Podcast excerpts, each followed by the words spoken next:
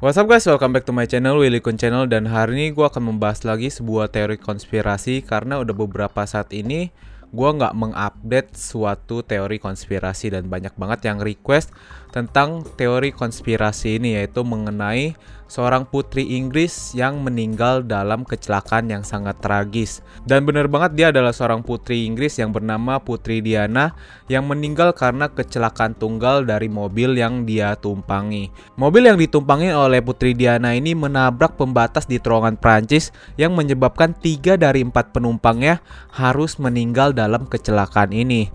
Nah, tapi dalam kecelakaan ini timbul banyak teori konspirasi karena dianggap tidak wajar seperti kecelakaan biasanya. Jadi sebelum kita mulai membahas teori konspirasi ini, jangan lupa untuk support channel gue dengan cara gampang banget. Tinggal klik tombol subscribe-nya di pojok kanan video kalian, kemudian tinggal klik tombol loncengnya agar mendapatkan notifikasi terbaru dari channel gue. Ingat, itu semua gratis guys. So, kita langsung bahas saja mengenai kecelakaan dari Putri Diana ini. Diana Frances Spencer lahir di Inggris pada tanggal 1 Juli 1961. Dia dilahirkan di satu keluarga bangsawan yang memiliki kedekatan dengan keluarga kerajaan Inggris. Dari kedekatan kedua keluarga inilah akhirnya Diana dan Pangeran Charles yaitu putra pertama dari Ratu Elizabeth II dan pewaris tata kerajaan Inggris berkenalan. Nah, setelah kedekatan ini akhirnya mereka berdua memutuskan untuk menikah pada tanggal 28 Juli 1981. Pernikahan ini dikabarkan seperti pernikahan dongeng yang didatangi banyak orang penting kemudian disaksikan oleh seluruh penduduk dunia. Tapi uniknya dari pernikahan ini, ketika Diana ingin mengucapkan sumpah pernikahannya, dia menghilangkan satu kata yaitu akan menuruti dari Pangeran Charles.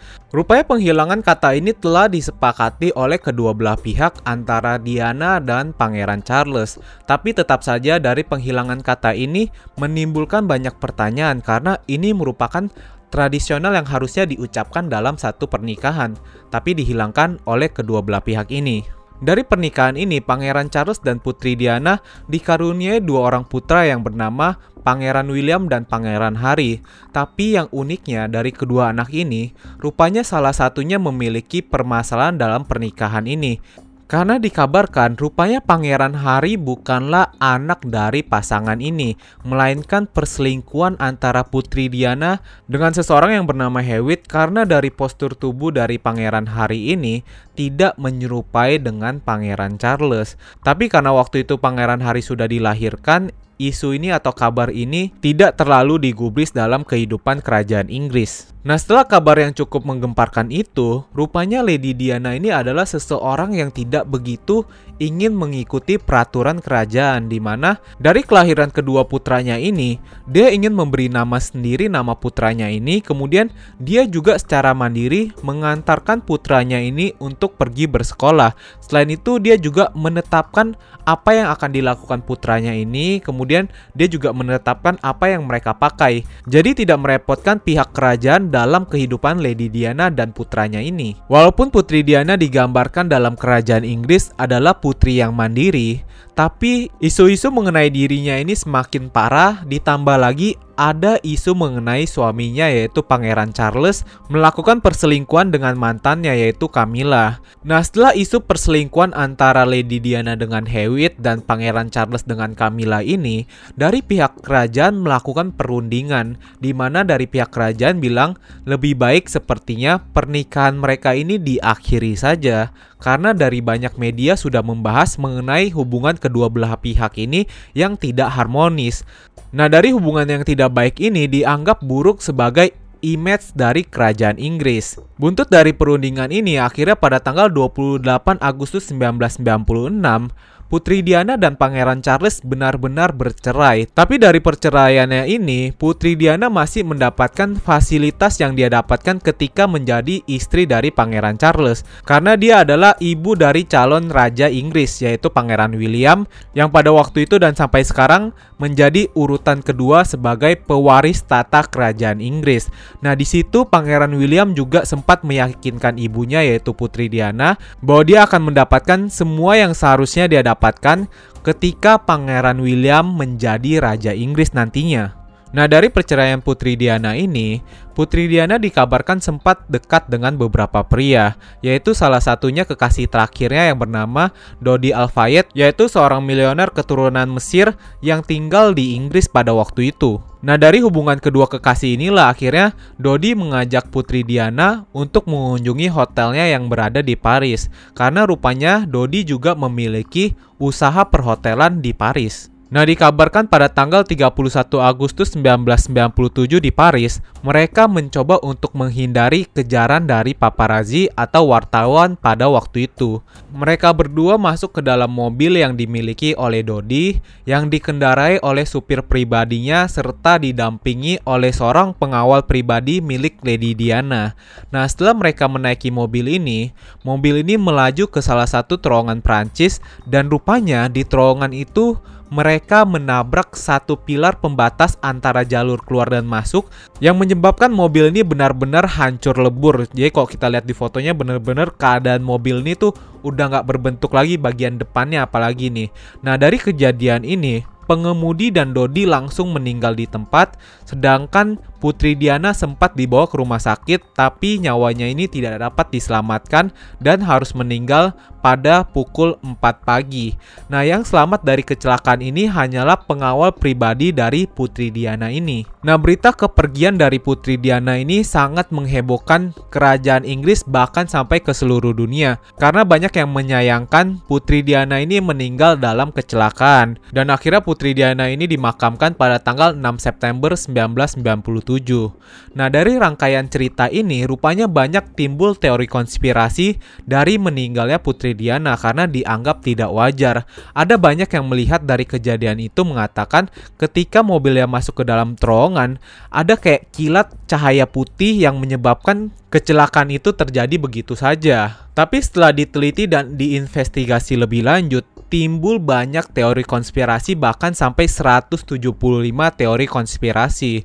Nah, di sini gue akan coba menyampaikan beberapa teori konspirasi yang cukup masuk akal. Nah, salah satunya yang pertama adalah teori konspirasi yang mengatakan penyebab dari kecelakaan ini merupakan supir pribadi milik Dodi.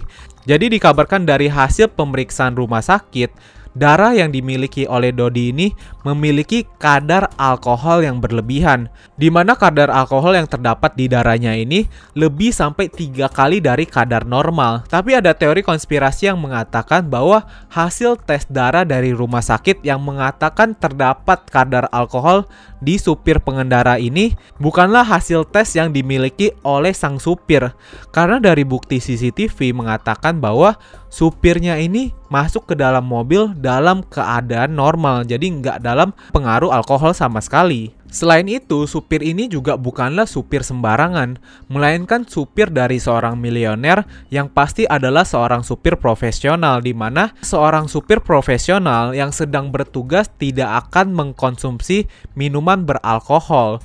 Jadi teori konspirasi ini sedikit crispy gitu. Tapi setelah kontra dari teori konspirasi ini, muncul juga bukti yang sangat mengejutkan karena rupanya supir profesional dari Dodi ini merupakan mantan dari badan intelijen yang sempat bekerja di Inggris dan Perancis. Selain itu ditemukan juga banyak kucuran dana yang masuk ke dalam rekening dari pengemudi ini.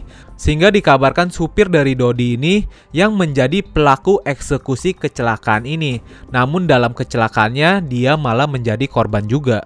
Nah, kemudian teori konspirasi yang kedua ini mengenai hubungan Putri Diana dengan Al-Fayed itu sendiri. Jadi dikatakan sebenarnya hubungan kedua belah pihak ini sudah sangat tidak disetujui oleh kerajaan Inggris karena rupanya Dodi Al-Fayed ini adalah seorang yang keturunan dari Mesir dan beragama muslim. Sehingga bila mereka benar-benar menjalin hubungan dan menikah, secara tidak langsung Putri Diana akan masuk ke dalam agama Muslim dan memiliki anak yang beragama Muslim juga yang akan diberi nama awalan Muhammad atau Fatimah. Nah, setelah mendengar isu ini, kerajaan Inggris dikabarkan menyusun rencana bersama dengan Badan Intelijen MI6 dan CIA untuk melakukan rencana pembunuhan kedua kekasih ini. Terus pasti banyak yang berpikir kenapa emang kalau misalnya Putri Diana dan kekasihnya ini memiliki anak yang beragama muslim.